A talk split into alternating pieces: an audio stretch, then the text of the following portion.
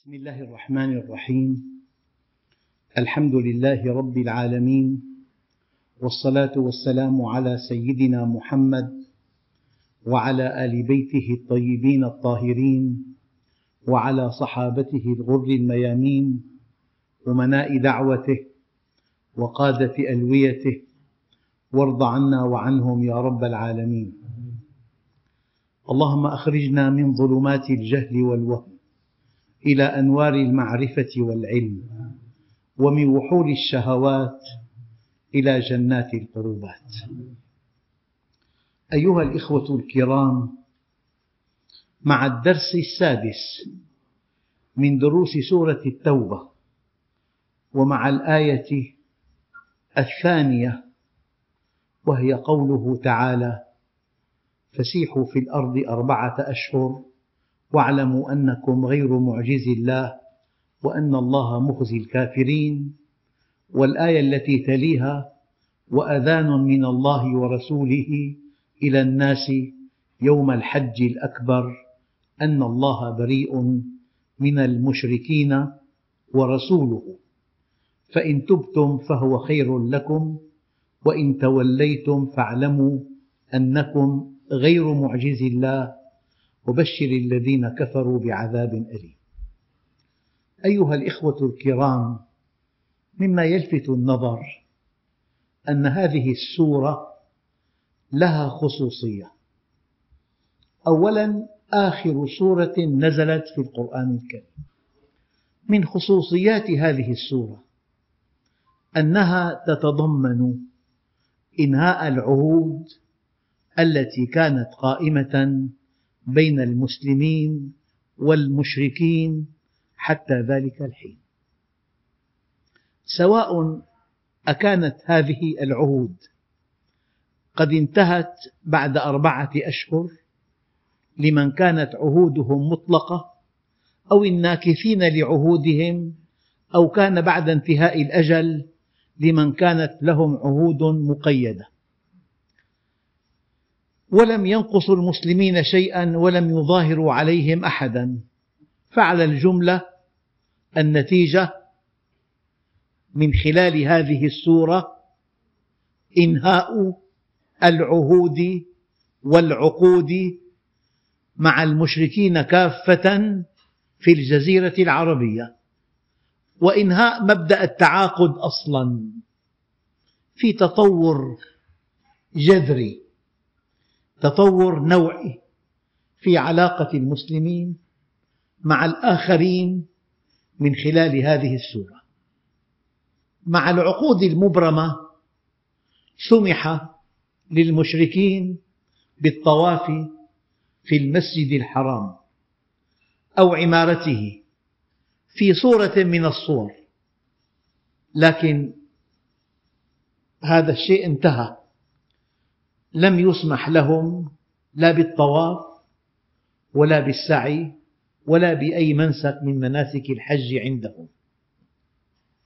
أيها الإخوة المغزى العميق من هذه الأحكام النوعية في هذه السورة أن هناك مرحلة عاشها المسلمون في مكة. وهذه المرحلة تقتضي التفاهم التعاهد التعاقد. لكن بعد أن أعز الله دينه ونصر نبيه هناك مرحلة أخرى تنبئنا عن خصائصها هذه السورة. النقطة الدقيقة إن الذي يراجع أحداث السيرة النبوية ويراجع وقائعها يرى من خلالها الواقع التاريخي للمنهج السياسي الإسلامي ويراجع كذلك طبيعة هذا المنهج في ذاته ومراحله وأهدافه. يعني الخطوة الحاسمة في العلاقات بين المسلمين في الجزيرة العربية وغير المسلمين قد جاء موعدها ومهد لها وتهيأت لها الأحوال وأصبحت هذه الخطوة الطبيعية في أوانها المحتوم. يعني في كان مصالح تقتضيها حالة المسلمين في مصالح تقتضيها وضع المسلمين قبل فتح مكة. لكن بعد فتح مكة هناك مستجدات لا بد من أن تراعى. أيها الإخوة لا بد من تمهيد لمعرفة الطرف الآخر. أيها الإخوة الله عز وجل كان الله ولم يكن معه شيء. خلق المخلوقات في عالم الذر. وهذه المخلوقات خلقها ليسعدها لكن عرض عليها عرضا متميزا. هذا العرض تؤكده الآية الكريمة إنا عرضنا الأمانة على السماوات والأرض والجبال فأبين أن يحملنها وأشفقن منها وحملها الإنسان. هذا الإنسان لأنه قبل حمل الأمانة وقال أنا لها يا رب سخر الله له ما في السماوات وما في الأرض جميعا منه. فالإنسان في القرآن والإنسان في المنهج الإسلامي هو المخلوق الأول. أنا أقول لكل واحد منكم لأنك من بني البشر أنت المخلوق الأول في الكون. أنت المخلوق الأول رتبة لأن الله حينما عرض الأمانة على السماوات والأرض والجبال فئة من مخلوقاته قالت نحن لها يا رب. فلما قالوا نحن لها تميزوا عن بقية المخلوقات. نظير تميزهم سخر الله لبني البشر ما في السماوات وما في الأرض جميعا منه. تسخير تعريف وتسخير تكريم. وللحقيقة قبل حمل الأمانة مع عالم الإنس عالم الجن. يا معشر الجن والإنس. فعالم الجن وعالم الإنس قبلا حمل الأمانة. فكانا في القمة. الذي حصل أن البشر حينما جاءوا إلى الدنيا بعضهم راعى هذه الأمانة وأداها وتعرف إلى الله واستقام على أمره وعمل الصالحات تقربا إليه ودفع ثمن الجنة فيها ما لا عين رأت ولا أذن سمعت ولا خطر على قلب بشر. هؤلاء الذين صدقوا ما عاهدوا الله عليه في عالم الأزل وكان صدقهم تاما هم الأنبياء والمرسلون. والذين قبلوا وأدوا ما عليهم ولكن بمستوى أقل هم المؤمنون.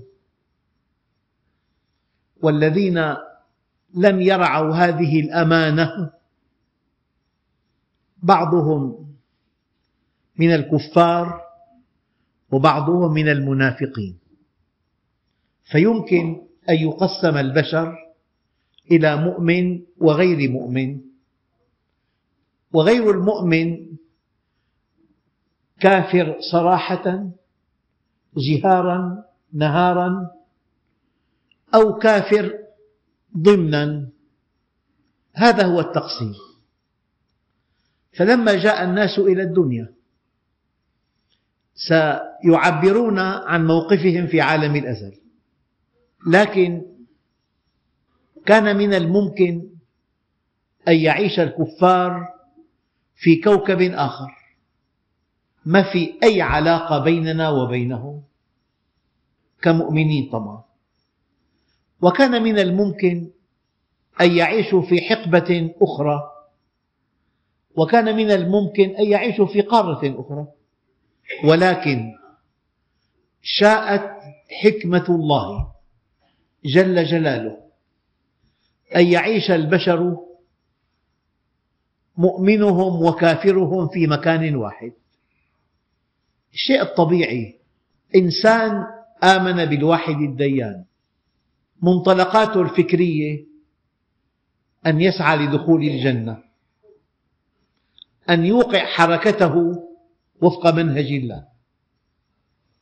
والبشر على اختلاف مللهم ونحلهم وانتماءاتهم وأعراقهم وطوائفهم وتياراتهم لا يزيدون عن نموذجين فقط. نموذج عرف الله فانضبط بمنهجه وأحسن إلى خلقه فسلم وسعد في الدنيا والآخرة. فالذي قبل حمل الأمانة وجاء إلى الدنيا وحملها وأدى ما عليه هم الأنبياء أولا والمرسلون والذي أداها بمستوى أقل هم المؤمنون ويتفاوتون فيما بينهم. لكن الذي لم يحمل هذه الأمانة ونقض عهده مع الله جاء إلى الدنيا ليكون طرفا آخر. كافرا بهذه الأمانة مؤمنا بالدنيا.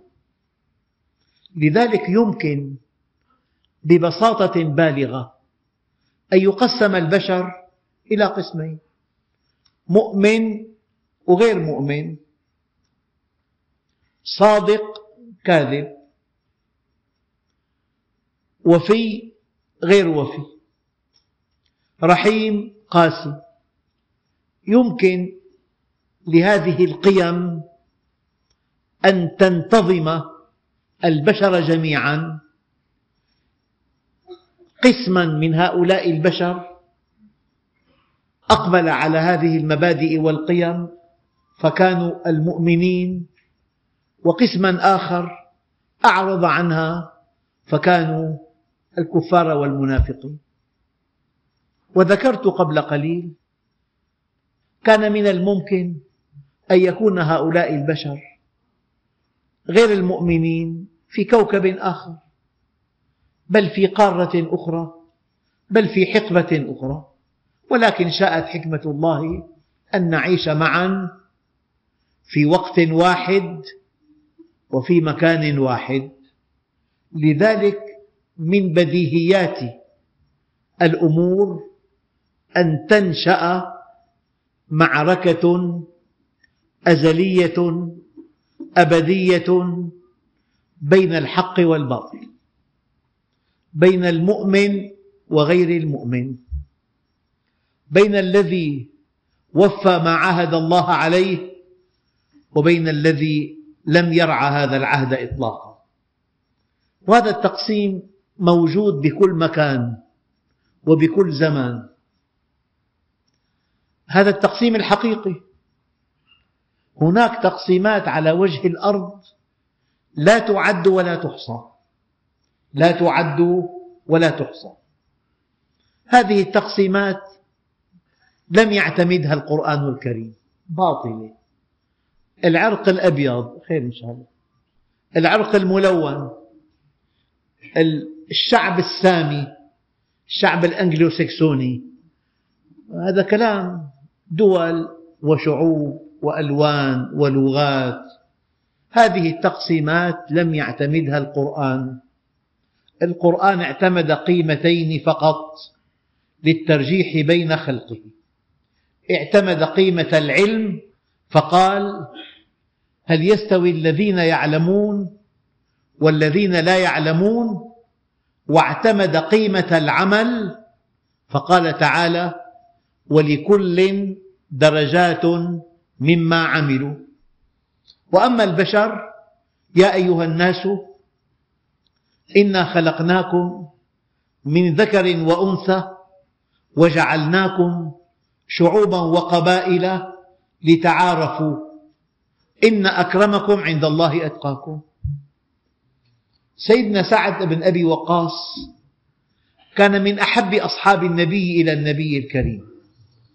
وحده قال له النبي عليه الصلاة والسلام ارمي سعد فداك أبي وأمي. ما فد النبي أحدا من أصحابه إلا سعد بن أبي وقاص. وقال إذا دخل عليه يقول هذا خالي أروني خالا مثل خالي. قال له عمر مرة يا سعد لا يغرنك أنه قد قيل خال رسول الله. فالخلق كلهم عند الله سواسية. ليس بينه وبينهم قرابة إلا طاعتهم له. أنا أقول لكم الآن بناء على هذه المعطيات أي واحد منكم إذا تعرف إلى الله واستقام على أمره قلامة ظفره قد تساوي مليون إنسان شارد عن الله.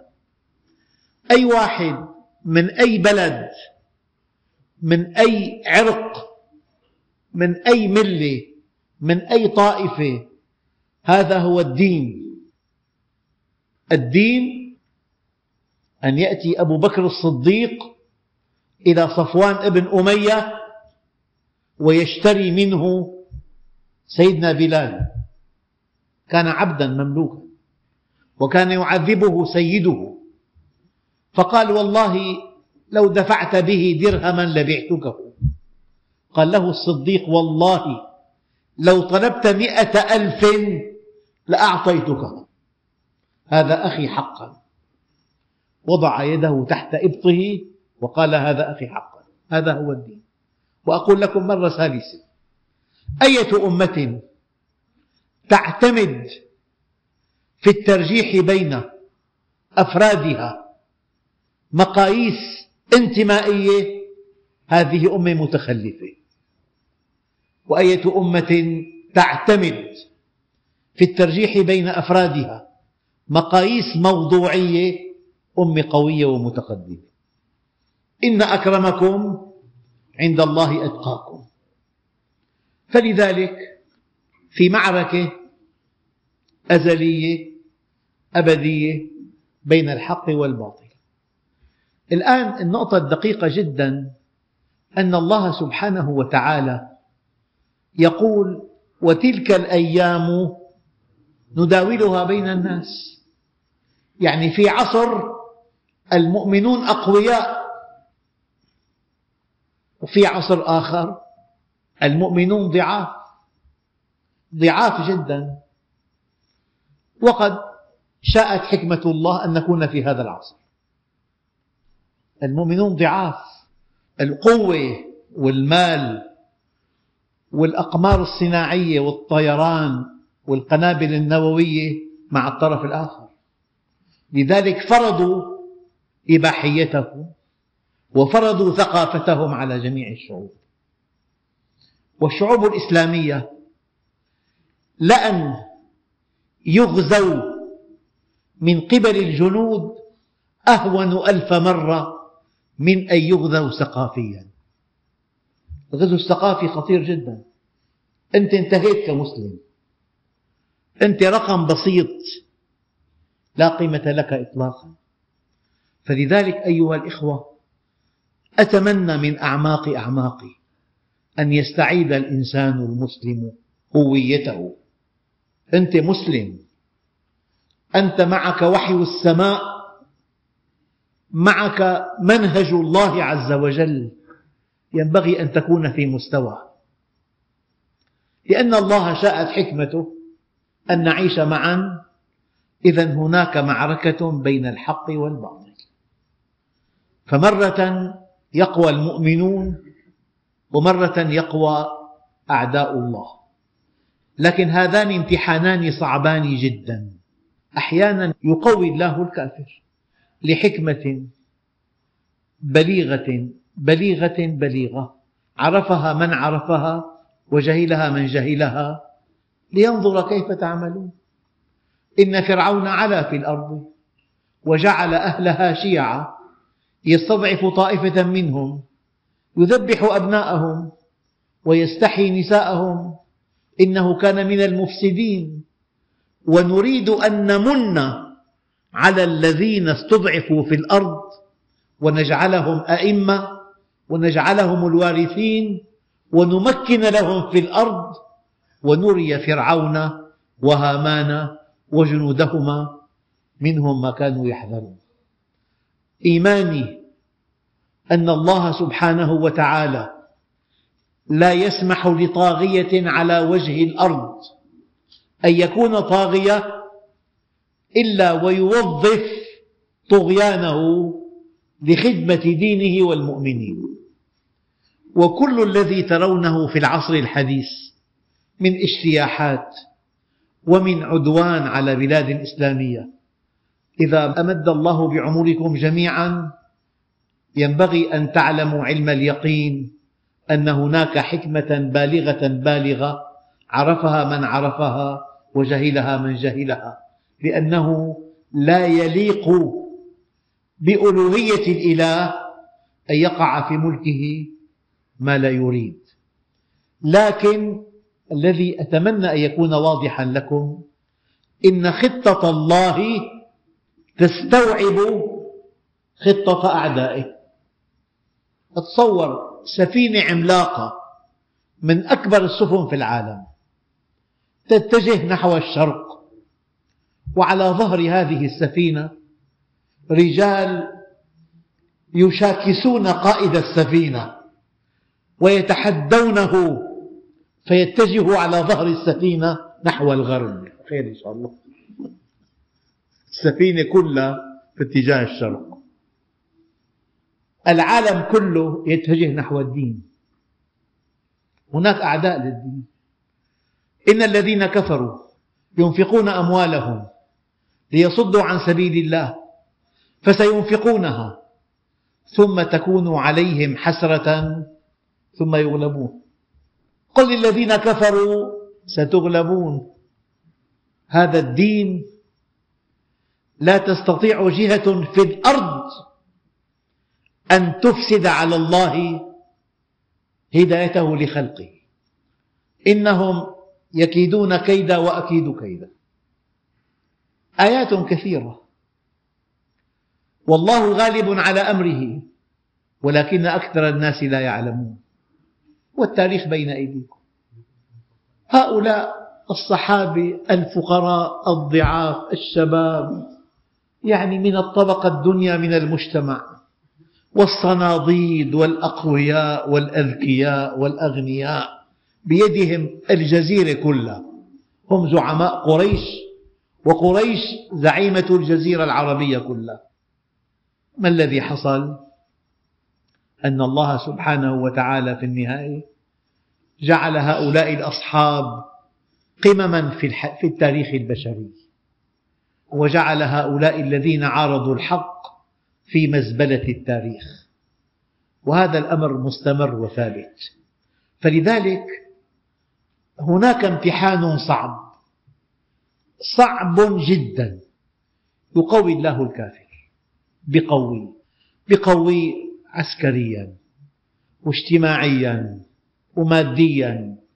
غني وقوي وذكي. وبيده كل شيء. والمسلمون على كثرتهم. مليار وخمسمئة مليون. وعلى أنهم يملكون ثروات لا يعلمها إلا الله. بلادهم محتلة أمرهم ليس بيدهم. للطرف الآخر عليهم ألف سبيل وسبيل. لكن هناك حكمة أن الذي يضعف إيمانه في ساعة من ساعات ضعف إيمانه يقول أين الله؟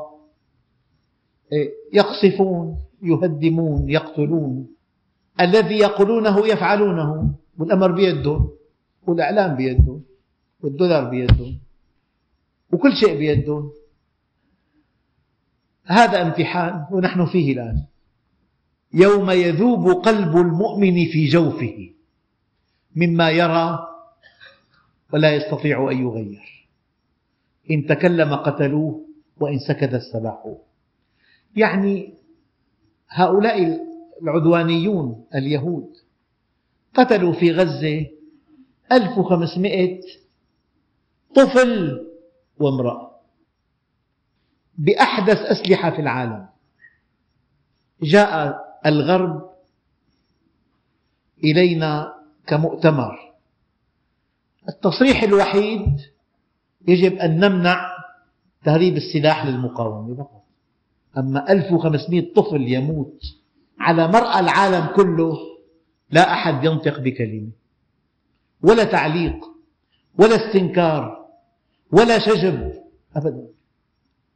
يأتي رئيس أمريكي إلى المنطقة يزور دمشق وتل أبيب ورام الله والبند الرابع أسرة الأسير الإسرائيلي. ولنا عند اليهود 11800 أسير ما خطر في باله. أن يراعي هؤلاء بزيارة أسرة واحدة. ها أنتم هؤلاء تحبونهم ولا يحبونكم إله يقول الكلام. ما لم نعد إلى ديننا إلى تاريخنا المجيد إلى قيمنا إلى أخلاقنا لا نستطيع أن ننتصر عليه. أما النصر له قوانين. إن تنصروا الله ينصركم. الله عز وجل لا يحتاج إلى أن ننصره. لكن إذا نصرت دينه ينصرك.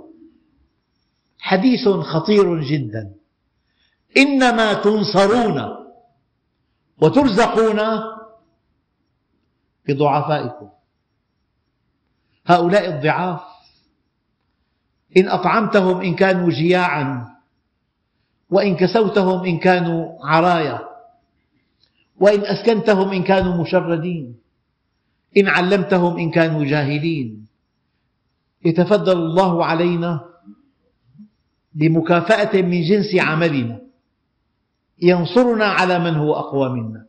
هذا كلام كالشمس واضح أخواننا أردت من هذه المقدمة أن تعلموا لماذا أراد الله أن يكون في الأرض مؤمنون وغير مؤمنين.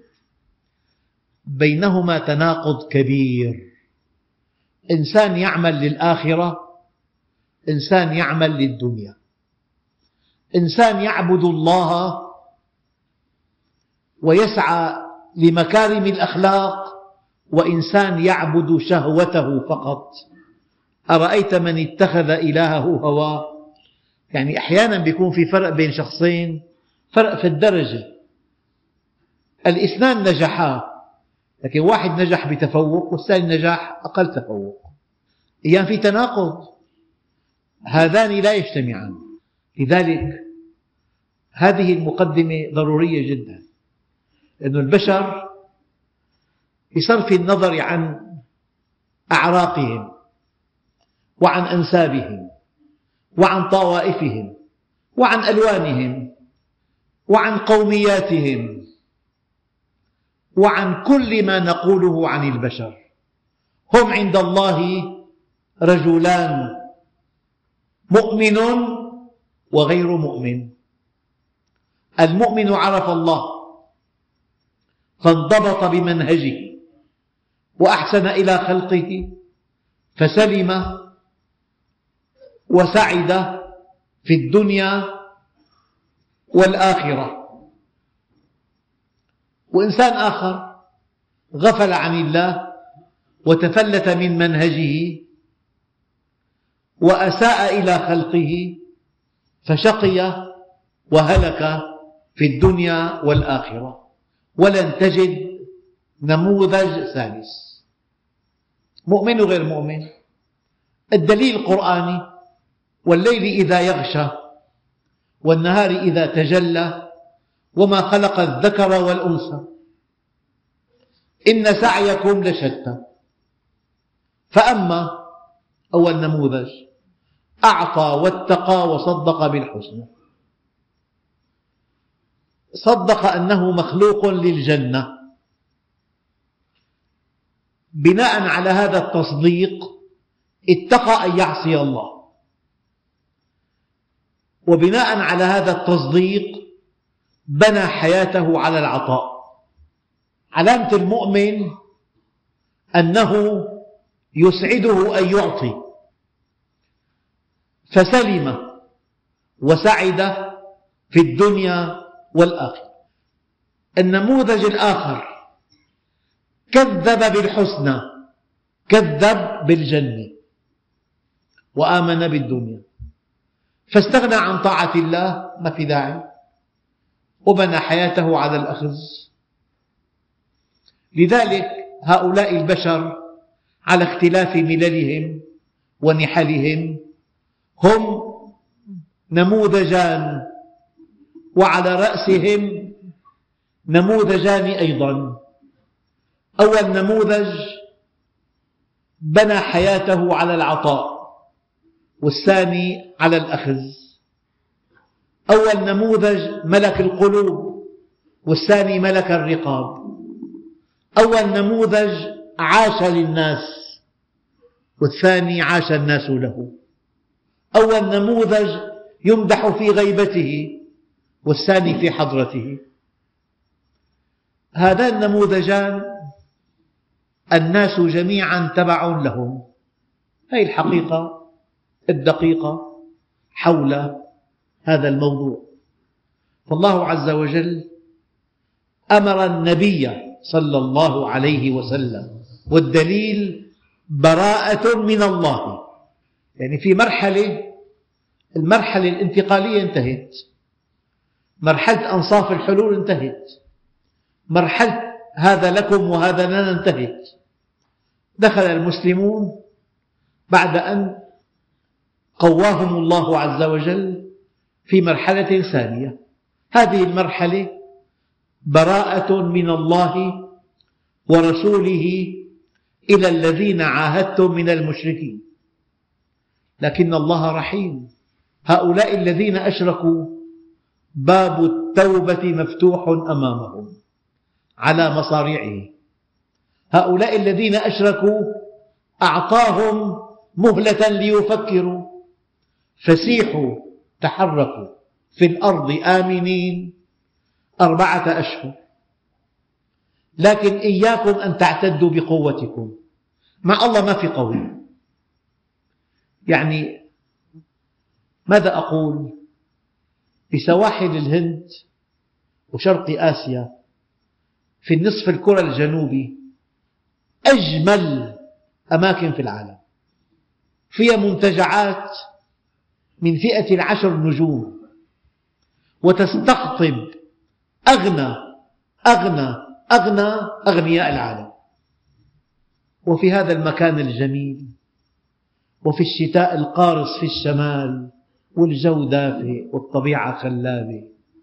والأشجار الباسقة. والبحر الهادئ والمنتجعات الكبيرة جدا. جاء زلزال تسونامي مات منهم خمسة وعشرين ألف وعتموا على هذا الرقم. هؤلاء نخبة العالم. سنستدرجهم من حيث لا يعلمون. طبعا مات مؤمنين أيضا. نحن إذا كانت طائرة وقعت كل راكب يموت على نيته. واحد يسافر لشراء بضاعة يبيعها للمسلمين يموت على هذه النية. واحد يسافر إلى مكان في آسيا يرتكب الفاحشة يموت على نيته. لا أقول كل إنسان مات بهذا الزلزال. لا هناك مؤمنون وهناك غير مؤمنين. لكن الله عز وجل ما في معه قوي. لذلك قالوا هذا الزلزال التسونامي يساوي مليون قنبلة ذرية. مليون قنبلة ذرية. الأرض كلها في قبضة الله. يقول لك بلد. سبعة ريختر كل شيء تهدم. ما في شيء. يقول لك مية وخمسين ألف في العراق. قبل أيام بالصين. وقبل في هايتي. البشر في قبضة الله. ولا ينجينا إلا طاعة الله. والاستقامة على أمره. فلذلك أيها الإخوة براءة من الله ورسوله إلى الذين عاهدتم من المشركين. كنا بمرحلة طبعا لماذا كانت البراءة؟ لأن المشركين نقضوا عهدهم مع رسول الله. هم بدأوا. فلما بدأوا بنقض العهود أمر الله نبيه أن يلغي كل عهد هذه العهود. لكن رحمة بهم فسيحوا في الأرض أربعة أشهر واعلموا أنكم غير معجز الله وأن الله مخزي الكافرين. اعلم يقينا أنك في قبضة الله. بأي لحظة يتوقف القلب ينتهي كل شيء. كل أموالك لغيرك. أموالك المنقولة وغير المنقولة. ومنصبك الرفيع. ومن حولك وأتباعك وأهلك. أصبح خبرا على الجدران. كان شخصا فأصبح خبرا. أيها الإخوة هذه حقيقة. واعلموا أنكم غير معجز الله وأن الله مخزي الكافرين. يعني ككلمة أقولها دائما إذا كان الله معك فمن عليك وإذا كان عليك فمن معك. ويا رب ماذا فقد من وجدك؟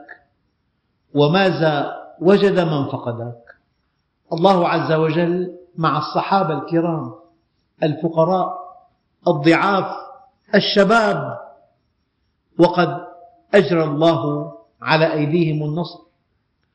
وإله الصحابة إلهنا والإله موجود دائما وقوانينه ثابتة. إن تنصروا الله ينصركم. وأخاطب الإخوة الكرام الحاضرين. هذا الدين جماعي وفردي. لو طبقته وحدك لقطفت كل ثماره. ولو طبقته الأمة لانتصروا على أقوى دولتين في العالم. من هم المسلمون؟ سراقة تبع النبي عليه الصلاة والسلام ليقتله. أغراه المئة ناقة. قال له يا سراقة أنت فكر بدقة بالغة. إنسان أهدر دمه. والمئة ناقة لمن يأتي به حيا أو ميتا. والذي تبعه يرجو هذه المئة ناقة. قال له يا سراقة كيف بك إذا لبست سواري كسرى. نقرأ هذه الحادثة ولا نقف عندها يعني أنا سأصل يا سراقة إلى المدينة وسأنشئ دولة وسأؤسس جيش وسأحارب أكبر دولتين في العالم وسأنتصر عليهما وسوف تأتيني الغنائم إلى هنا. ولك يا سراقة سوار كسر. ما هذا التفاؤل؟ ما هذا اليقين؟ والذي حصل في عهد عمر جاءت كنوز كسرى. وسأل عن هذا الصحابي سراقة وألبسه سوار كسرى وقال بخ بخ أعيرابي من بني مدلج يلبس سوار كسرى. الوعود قائمة والآن قائمة. الله ينتظر أن نصطلح معه وأن نتوب إليه. والنصر سهل جدا. في عينات موضحة في جرعات منعشة. إخوتنا المقاومون في غزة كم عددهم؟ عشرة آلاف.